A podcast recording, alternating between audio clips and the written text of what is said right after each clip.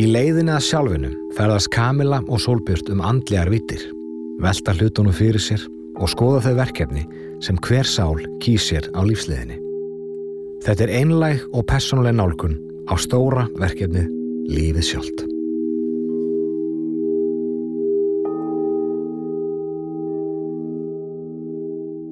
Hæ, Hæ, þú ert að hlusta á leiðina sjálfinu. Ég heiti Kamila. Og ég heiti Solbjörn. Jæja, Solbjörn. Í dag ætlum við að fara svolítið dýbra ofan í heilun. Já, Þetta stóra, stóra, stóra viðfangsefni. en í síðasta þætti þá rættum við þetta töluvert og ákveðum núna að fara svolítið svona ennþá persónlegri leið að þessu vegna þess að fórum að hugsa um það að leiðina sjálfunni er auðvitað lífið okkar og algjörlega. líf okkar allra það snýst bara um leiðina að sjálfunni Mm. og bara þau verkefni sem við vinnum vinnum í og þær áskorunni sem við tökumst á við og svo frammeðis þannig að nú ætlum við að fara svolítið í svona persónlegra en persónlegra og nú eru það þú Solbjörn sem verður í fókus Já, hvernig vist þér það? heiði mér líst bara vel á það. Já, vegna þess að fyrir þau eitthvað sem ekki vita þá er Solbjörn alveg rosalega prívat kona. Og hérna og það er svo það, og, það, og stundum er hún öruglega velta fyrir sér. Hérna, svo ég leiði mér bara að fara inn í hugsanir hennar núna. Það er bara eitthvað, af hverju er ég eiginlega í podcasti? Af hverju er ég eiginlega podcast uh, stjórnandi? Þegar hún er svona prívat manneski en það er eitthvað sem er svo ótrúlega gott fyrir okkur að fara út fyrir þægindaraman og pröfa okkur áfram. Algjörlega. Og þannig að við ætlum núna svolítið, ég ætla bara að spyrja þig ekki spyrja honum úr, heldur bara lag eftir lag Já, inn í innstu bara hjartarætur og uh, um bara svona þitt heiluna ferðalag og ég veit að náum ekkert að komast yfir allt sem að við ætlum okkur en það sem að kemur upp er bara það sem á að koma upp. Já, Erstu til í þetta? til. Ok. Um, Mér langar til að byrja að spyrja þig hvort á munir eftir því hvena þú fóst fyrst í heilun. Já, sko, því við rættum þetta nú aðeins áður en við gerðum þáttinn að, sko, ég, ég var 17 ára þegar ég fór fyrst í heilun. Og það var, uh, það var á tímapunkti þar sem ég var komin algjörlega út í hotn með sjálfa mig og lífið mitt.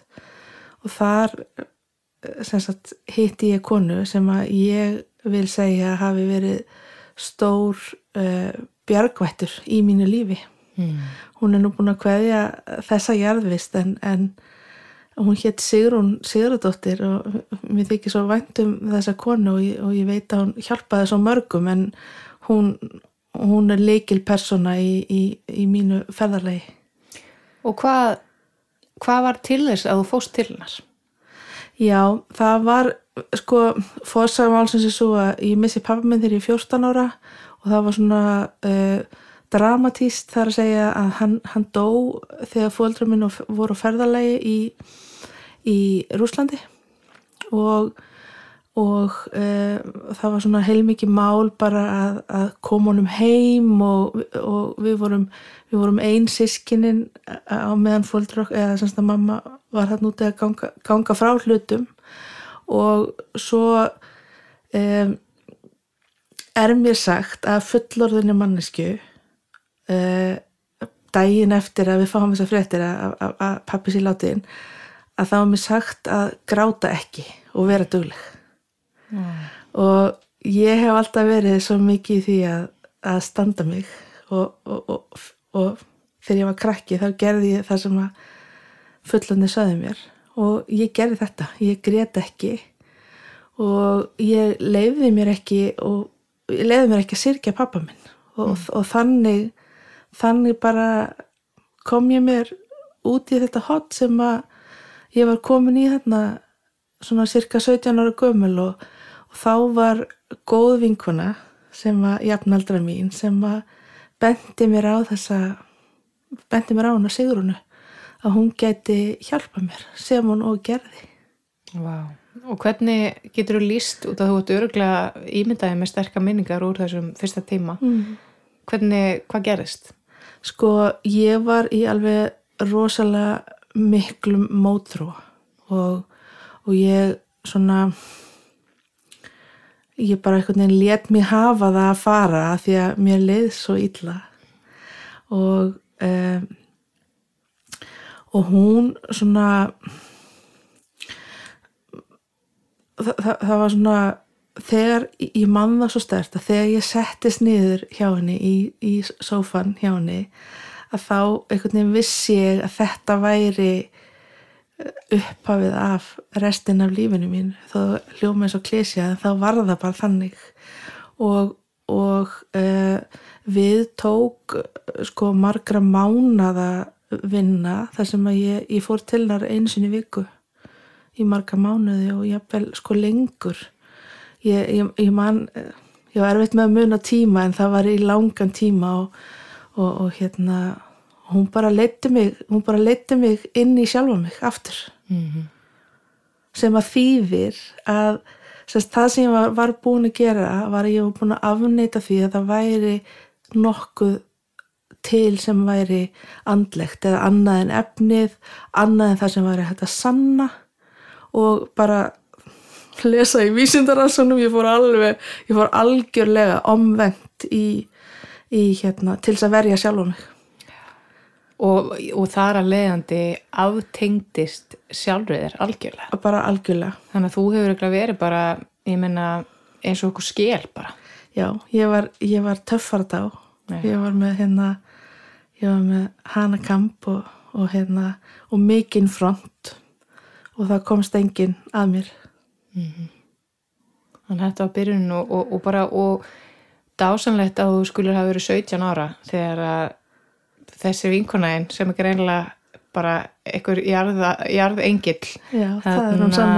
Hjálpaði þér og beindi þér átt að þessari konu. Já. þannig að þetta er svona sterk upplifun á þínu, þínu svona fyrstu heilunar svona heilunar tíma en, en svo eru þetta bara það er svona eitt ákveði form af heilun, hvernig svona þú pælir í svona á þessum tíma, hvað annað hjálpaði þér að, að tengja sjálfu þér? Mm, það er tónlist. Það, og, og, og það, það á við enn þann dag í dag að ég nota tónlist sem, sem form heilunar. Og á þessum tíma þegar ég er 17 ára gummul að þá eh, er ég að syngja í tveimur kórum. Og það var algjör heilun fyrir mig. Og þar að ekki var ég alltaf að hlusta á tónlist. Mm. þannig að já, það er tónlistin. Tónlistin? Hún er alltaf mikið meðal og það þekkjum við báðar. Já. En þarna ertu unglingur og svo þetta er með bara þú veist, maður er ekki einu svona búin að ná kannski fullum þroska fyrir svona í kringum 25 ára aldur. Já. þannig að þarna ertu í rauninni, já, barn, unglingur helstu þetta væntalega að vera mjög fullorinn eins og við öll gerum mm -hmm. en svo ertu komin á fullorins ár þarna, og hvað svona, hvernig endaði þú sem heilari við erum búin að fara eins út í það þú veist, kulunasöguna þegar þú mm. sérst, fóst hættir í, í og það var í öðrum þætti fyrir þau eitthvað sem eru kannski að skipa inn í þáttnum við sjö bara neina að byrja á byrjunni please, mm -hmm. nei, djók en þarna, þar hættur í, í óperu námi Já. en hvað af hverju er þú heilari? Já, ég er heilari að því að mér er ætlað að vera heilari og ég er ekki að snúa út úr Nei, ég bara, ég skildi Já. en hvernig komstu að því? Sko það er svona það fyrsta formlega sem ég formlega sem ég lærði að, sem tengist heilun er reiki mm -hmm. og bara eiginlega um leið og ég e, bara rétt snerti á þessar orku þá vissi ég að ég þurft að nota hana fyrir aðra en sjálfa mig. Mm. Og það, það, það er svona ég á svona stóra punta í lífinu þar sem að kemur yfir mig alvissa. Og þarna hvernig sem þetta var á, á þessum tímapunkti að þá vissi ég að þetta lægi fyrir mér. Og st- strax eftir fyrsta litla reikinámskeið sem fór á að þá byrjaði ég að vinna með fólk og formlega að vinna með fólk. Og svo hef ég gert það í, í einað öðru formi til dagsins í dag. Þannig að myndur þú segja út af því að, en hvað var það til þess að þú ákvaðast að fara í, á reikin áskeið? já, Hvað, var Sko- undafarin? já, ég nefnilega ég man það ekki. Já, en sko en, en það hefur alveg öruglega verið jú, ég man það. Það kom. Það, ég, og þetta hefur gert, gerst nokkru sinnum á lífsleiðinni að ég var að fletta nýjársmokkanum og, og, og allt í einu að þá svífur lítil auglýsing og verður einn stór og blaði fyrir framann augunum á mér og þá þarf að verða að auglýsa reikinámskeið og eins og oft áður þá kalla ég að vera aukslega Pálmi, ég er að fara á námskeið. Pálmi er semst maðurinn minn. Og, og það gekk eftir. Þannig að, já, ég, eins og þegar ég fór í mitt fyrsta jógakennarnám að þá var ég þá fór ég í ísbúð með litlu vini mínum. Og sem er verið að afgreða okkur ísinn að þá snýjum við. Og þá sé ég á súlu auglýsingu og hún er mitt stækkar svona upp og það var verið að auglýsa jógakennarnám og ég var alveg bara heyrðu ég það vist að fara í þetta jógakennarnám þannig að það virkar bara svolítið eh, þannig oft hjá mér. Já, og mér heyrist líka á þessum frásögnum að þú hafi þarna verið vel tengt við innsæðið og hlusta á það sem að var verið að sína þér og, og segja við þig. Bara, veist, hvernig verður eitthvað svona sem að þú annars kannski varst ekki mikið búin að pæla í á undan allt í henni svo stórt og fyrir að, taka pláss. En svo er það líka svo áhugavert og, og mm, ég fór utan að vita hvort að það sé þín upplunum líka en að það er að um, þegar að ég hef farið í svona nám að þá er þetta mestmegnis það kannski skiptir ekki kannski öllu máli eða auðvitað er það skiptið að máli hvað maður er að læra en allt svona er líka svo mikil sjálfsheilun já, Ertu sammála því? ég er algjörlega sammála því og, og sko þó það sé ekki nema bara það að þegar maður fer á í nám hvort sem það er lengri eða stýttra nám að þá eh, nær maður fókus í eh, öll svona, öll, öll svona námskiða nám kalla á sjálfsvinnu og svo ég tali fyrir sjálfa mig að ég vil alltaf vera góður nefandi og, og ég er alltaf sérst, ég fer alla leið. Og þá gefur það rosalega góðan fókus í að taka til í sjálfum sér og skerpa á öllu. Hvað myndur þú segja eins og, veist, eins og þitt fyrsta, fyrsta nám í, í reiki sem var þá líka sjálfsvinna mikil? Já. Hvað, svona, hvað breyttist fyrir þig? Út af að það er bara svona, ég sé þetta svolítið fyrir mér eins og bara einna risa stóran heilunatíma. Já, að fara í jókakennarnám eða, eða einhvers konar heilunarnám eða hvað sem það er. Já Sko s- það er náttúrulega andri langt síðan ég var að gera þetta og þú þarft ekki endla að fara í reiki, bara það Nei. sem að kemur upp. Hvað Já. sem það var tónilarnám, reikinám, Já. jókakennarnám, hvað sem það er. Já, það er það, það er kannski uh, það, að fara í nám það minnir mig á að það er alltaf hægt að slípa demantin meira og það eru alltaf fletir sem að ég var ekki búin að sjá og síðan þá um, eins og bara síðasta nám sem ég var í sem að var uh, annað jókakennaranám að þá vorum við uh, svo mikið að skoða sagt, siðfræði jókans og uh, það það getur maður speglað að sjálfsögðu sagt, ég er ekki jóki bara þegar ég er á mottunni heldur er ég jóki alltaf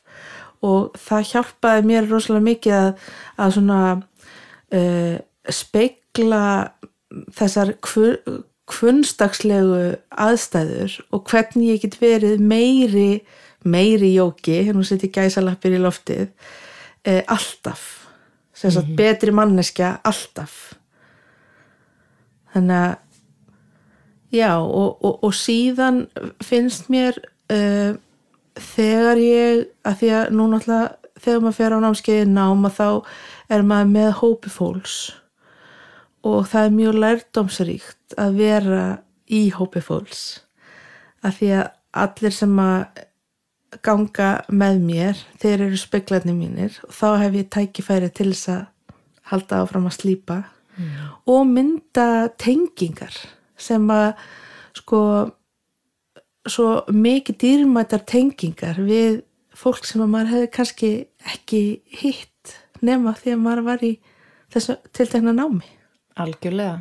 Og líka einhvern veginn það að, að þess, allar þessar sálir hafi valið að koma saman í þetta nám og í þessa sjálfsvinnu saman. Það, það er, það er, er einhver ástæði fyrir því. En svo er það líka kannski það að vera nefandi út af því að þegar við kannski höldum að við vitum allt veist, þá á hvað stað eru við þá Já, þannig að þarna, það að vera alltaf í svona að stjá sjálfa sig sem mannski sem er að læra já, þess vegna eru kannski ég og þú alltaf að læra meira og Já. og þetta er svona þarna, og, og, og, og, og er það ekki líka þannig með sjálfsvinnu að það er alltaf bara lag eftir lag jú, Við erum ekki algjörlega. búin. Nei, það, sko, ég, sko, það er svona uh, takmark hjá mér í lífinu að læra eitthvað eitt nýtt á hverjum degi. Af því að ég er löngu búin að átta mig á þessu að maður getur alltaf á sig blómum bætt og það er alltaf að bæta við þekkingu og það er alltaf og svo sem ég var að tala um á að það, að það er alltaf hægt að slípa demandin og ég mun alltaf vera nefandi mm. Ég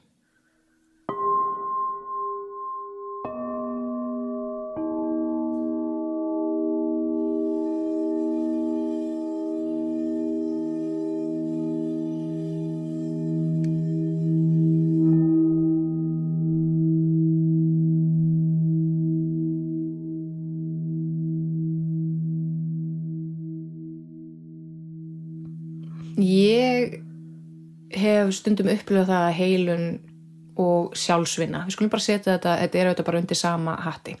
Getur verið mjög erfið. Og stundum kannski eitthvað sem er kannski ekki alveg tilbúin að gera.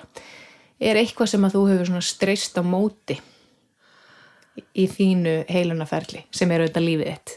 Já, já, það er sko þetta er, þetta er mjög komist að, að því að þú varst að í upphæðu þáttu varst að grínast með að ég væri öruglega stundum að hugsa hvað ég væri að gera að vera þáttastjórnandi í podcasti. En ég er alltaf að glíma við það að vera sínileg eða ekki sínileg og það er, það er stóra það er stóra verkefni mitt að að sagt, að meiga sjást. -hmm. og taka pláss. Já, það er einhvern veginn svona fyrir mig að ekki ekki endilega það að taka pláss heldur einhvern veginn að meiga vera sínileg ég, já. Og hvernig myndur þú þá halda og, og sem að ég reyndar mér finnst að, að þessi þetta verkefni okkar saman sé ákveðin heilun fyrir okkur. Það er náttúrulega klárlega þannig. Og ég er náttúrulega að því að við erum að tala um mig að ég er náttúrulega að vika mig út í allar áttir með því að stíga fram og, og gera þetta með þér. Og ég finn það í hverju einustu frumu líka á mis að það er rétt að gera þetta. Og, og ég er rosalega glöð að við erum að gera þetta. Og mér finnst erfitt að hlusta á þættina. Og, og, það er þetta og það, það er þetta e, sko þetta að vera sínilegur og það að tala ekki af sér. Og það á ekki bara við í podcasti heldur heldur sko allstaðar mm. getur útskýrt það nánar? Sko ég ég vil lifa átakalausu lífi. Og um, ég vil lifa í sátt og samlindi og uh, þetta þýðir ekki að ég standa ekki upp þegar ég sé að, að, að ég þarf að standa upp. Og ég, hérna, sömum vinkonum mínu finnst ég vera full, hérna, full hjálpleg stundum. En, en um, um, já, þetta, þetta, þetta tengist eitthvað því að að sko að búa ekki til uh, ómstríðu heldur, heldur vera í vera í ómfíðu og í sátt og samlindi við uh, mína nánustu við vini mína og við samfélagið mm. Það sem að ég heyri svolítið segja stu, góð leitra er svona líka að, að þú viljir ekkit endilega gefa færi á þér þannig að ef þú segir eitthvað sem er sannleikur hjá þér mm. Og þú stendur fyrir Mm. og það er ekkit alltaf allir sammála þú veist Nei, og að, að, að þú kannski viljir ekki bara reynilega standa í því skilur já, og ekki út á nenniði ekki, heldur bara þarna, og það getur átt sér miklu dýbri þarna, rætur, hvort sem er í þessu lífi eða, eða öðrum lífum, mm. meiri segja en svo er líka sko vinkil á þetta að sko sá heimur sem að ég lifi í og sem að við lifum í, ég og þú að ha- ha- hann er ekki, þú sérð hann ekki í Excel-skjali. Mm. og uh, ha- hann er uh, sem sagt hann er lítið skrásettur. Já, og uh, sem sagt minn raunveruleiki ef að ég myndi uh, ef að ég myndi opinbera hann uh, á, í víðu samhengi að þá myndi mjög margir segja þetta er stórskriðin kona já Og kannski er þetta í grunninn þe- þessi ótti um að vera brenda báli, hreinlega. já, það má, já, já Mm kannski bara hef ég eitt tjóman upplifað það Nákvæmlega. hver veit Mm Hugsanlega, kannski. Já. en ég hef upplifað í gegnum árin svona ákveðin heilunar breakthrough og ég leiði mig bara sletta og ég veit að margir hafa upplifað það. Ert, átt þú eitthvað svona upplifanir eða, eða sögur já, um eitthvað þannig? já, algjörlega en mín svona stærstu breakthrough hafa verið og svona st- stærsta heilun hefur ekki verið á í tíma hjá annari mannesku heldur í, í samfélagi og ég það það kem, kom upp í hugan sko tvö atvik eða, eða tvö moment í mínu lífi þar sem að ég hef upplefað eitthvað mikið og stórt. Og það fyrra var þegar ég fór í fyrst skipti til Norður Ítalíu til samfélag sem heitir Damanhúr sem er svona andlegt samfélag og ég fór þangað með hópi bandaríkjamanna þar sem ég þekkti engan þannig að ég var svona ein.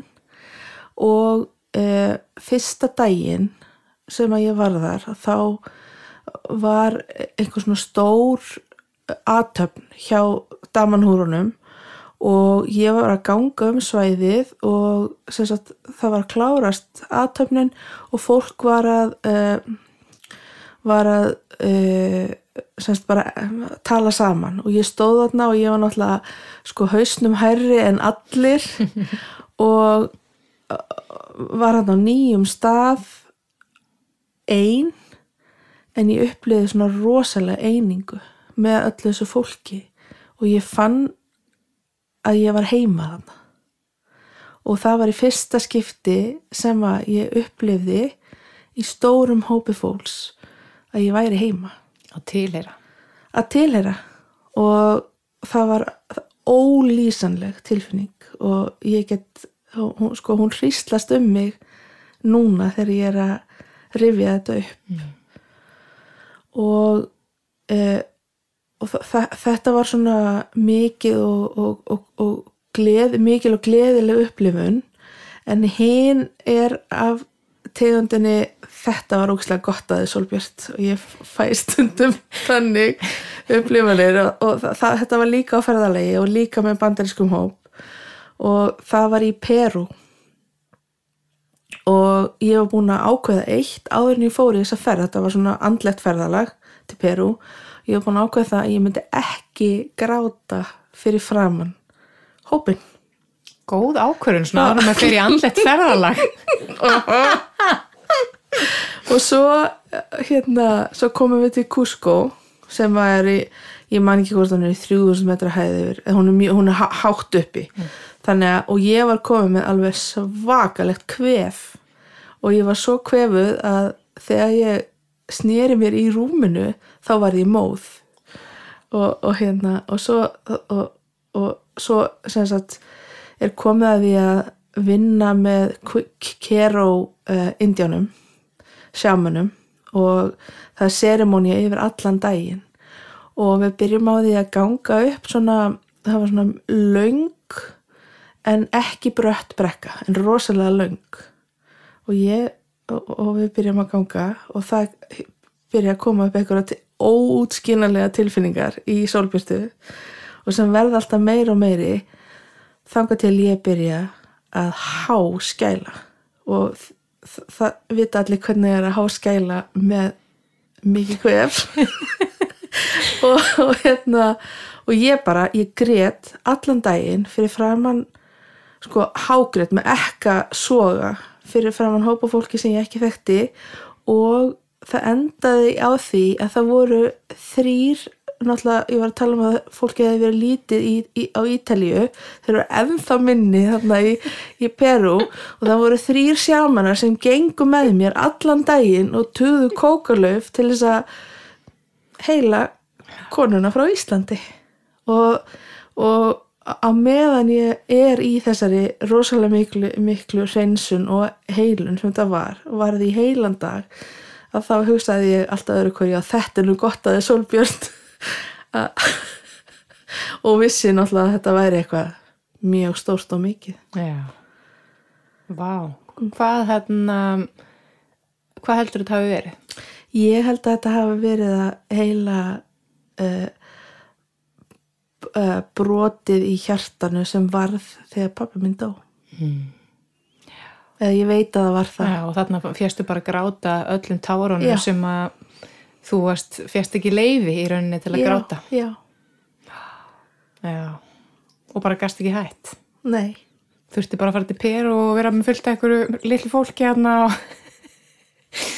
Þetta er náttúrulega mjög komist að hérna, þegar maður horfður á þetta eftir á en þetta var ekkit rosalega fyndið á Nei. meðan að þið stóð. Og það er líka svo magnað að hérna, okkar hugmyndir oft um hvernig heilunum okkar eigi að vera eða hvað eigi að gerast er síðan bara allt öðruvísi en, en raunver- raunveruleikin sko. Og jú, jú, þetta, þetta gerist það að maður á svona e, e, svona nú ætlum ég að sletta aftur, maður á svona graceful heilun en hún er ofta ekkert rosalega sko falleg.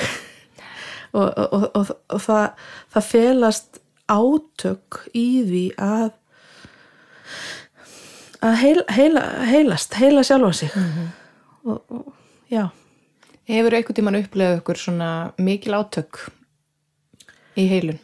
Og þá kannski líka eitthvað sem þú finnur að heldur aftur að þér eða vill ekki að þú og þá ekki endilega hluta þér heldur eitthvað utanakomandi sem vill ekki að þú farir inn í þá heilun. Já, sko, ég á sko, það, það gerist fyrir nokkrum árum að e, ég svona ég, ég þandi kerfið mitt að ystu þólmörkum og ég gerði það í langan tíma. Og það, það var alveg af, á þeim tíma af góðri ástæðu. En það var það mikið að það brast eitthvað í mínu orkukerfi og uh, komst á þann stað að ég gæti ekki laga það sjálf og ég var búin að leita til nokkra aðila sem að raunverulega gátt ekki hjálpa mér að ástandi batnaði ekki og það endaði á því að þá fór ég aftur til uh, vina minna í Damanhúr og þar var meistari sem er núna farin úr líkamannum sem að hjálpaði mér mm. og það var um, það var ekki átakalust og það tók sko ég þurfti að fara eða fór þrís og sinnum og dvaldi í tvær, þrjár vikur í einu og e, það, það, það, það bara þurfti að e, það er svolítið svona svona attitút í damanhúr að gera hlutina með brósávör og, og vera með gleðina með sér líka þegar á móti blæs, blæs. og þannig að, að öll vinnan fór fram með með brósávör en það var rosalega mikill sko, þungi í vinnunni Mm. og e, það þurfti mikið til til þess að koma mér í, í koma mér á rétt ról. En þegar við vorum búin að, að þá, þá sagðan hann hétt Falko þá sagðan þú betri enn í og, og þegar hann sagði það þá vissi ég að það var rétt. Mm fannst það bara. Þá fa- fann ég það. Og, og hvað þarna hvað heldur að hafa verið sem að var um, að angra þig, þú veist og ég menna við getum það farið inn í, þú veist, þú voruð að eh, og svo við slettum aðeins meira einhverjar entities eða þú veist, eitthvað sem var búið að bara nærast á orkunniðinni eða bara svo við séum bara út af því að við erum svolítið að tala, ætlum núna og, og viljum tala umbúða laust út af því að þetta er líka eitthvað sem að bara og þau sem eru að hlusta eh, eru greinlega forvitin um svona. Hvað var þetta sem að þurfti að losa og af hverju tóka svona langan tíma? Já, sko nú erum við komin, nú erum við komin út, í, út á þetta svið sem að sem að hérna er ekki þú veist, þú lest ekki um í mókanum en, en sko um, það sem að gerist er að það, uh, það svona það svona koma smá bara örlítil gött á áruna mína. Mm. og þegar það gerist og það gerist mjög sjaldan að þá geta og við vitum það bara við, við þurfum ekki að horfa fréttir að þá sjáum við að það er gott í heiminum og það er vant í heiminum. Og það er ekkit öðruvísi í öðrum vítum það er alls konar allstaðar og í mínu tilfelli að þá voru verur sem voru ekki af ljósinu búnar að festa sig við áruna mína og voru hreinlega að, að, að, að hérna Og eina skemmtaverk. Já, vinna skemmtverk og, og þegar svona gerist að þá, þá getur það bara tekið svolítið tíma að, sest, að það, það, þarf, það, þarf að, það þarf að finna hvar það er það þarf að losa um það og svo þarf að loka á heila. Mm. þannig að þetta var stort, stort verkefni sem var hérna var unnið að fullu Takk fyrir að deila þessu, Sólbjörn. Já. Bara takk. Ég veit að þetta er stórt fyrir nefnilega. Ég er útrúlega stolt að þess og ég leið mér að segja það og leiði mér að vera stolt að þess, skilur. Þannig að, já. En svo er líka út frá þessu hægt að fara út í það að spyrja bara svona hvernig velum maður sér heilara? Hvernig veit maður út af því að það þarf ákveðið tröst að ríkja á milli? algjörlega Hvernig velur þú þér heilara? Og hvernig ráðleikur þú fólki að velja sér heilara? mm. þegar stórt er spurt Ég spyr bara Sko- stóra spurningar. sko ég ég hef uh, ég hef þrjá heilara sem ég leita til þegar ég þarf og einn er á Ítalíu og tveir er í Bandaríkjunum. Mm. og þetta er uh, og einn er sagt þá í Damanhúr. Og þetta er allt konur. Og uh, eftir að sko eftir að ég lendi í, í þessu sem ég var að lýsa hérna rétt á þann að þá breyti ég mjög mikið mínum vinnuháttum. Og svona já, bara mínum vinnuháttum. Og e, passa alveg rosalega vel upp á mig og rýmið mitt. Mm.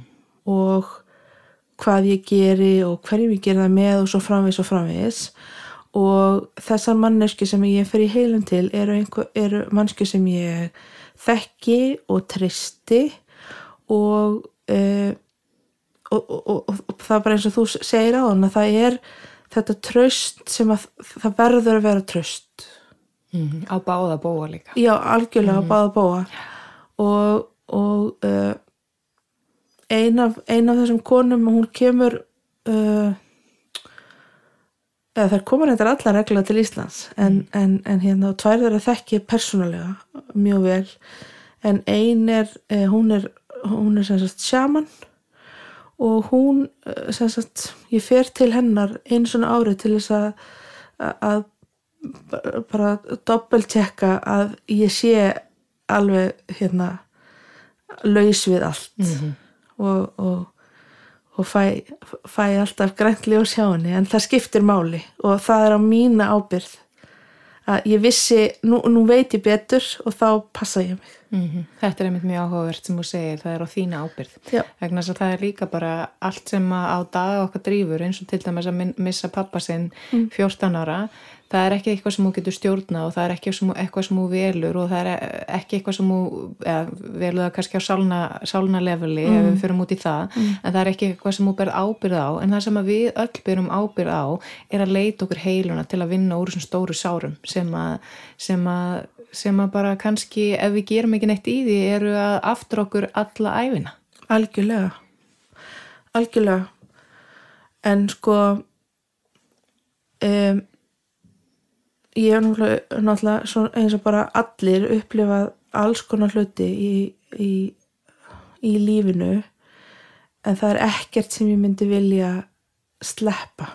Ef ég mætti velja núna að sleppa einhverju lífsreynslu þá myndi ég engu sleppa af því að það er bara satt og rétt að það sem ég hef verið gerir mig að þeirri mannsku sem ég er í dag Nákvæmlega.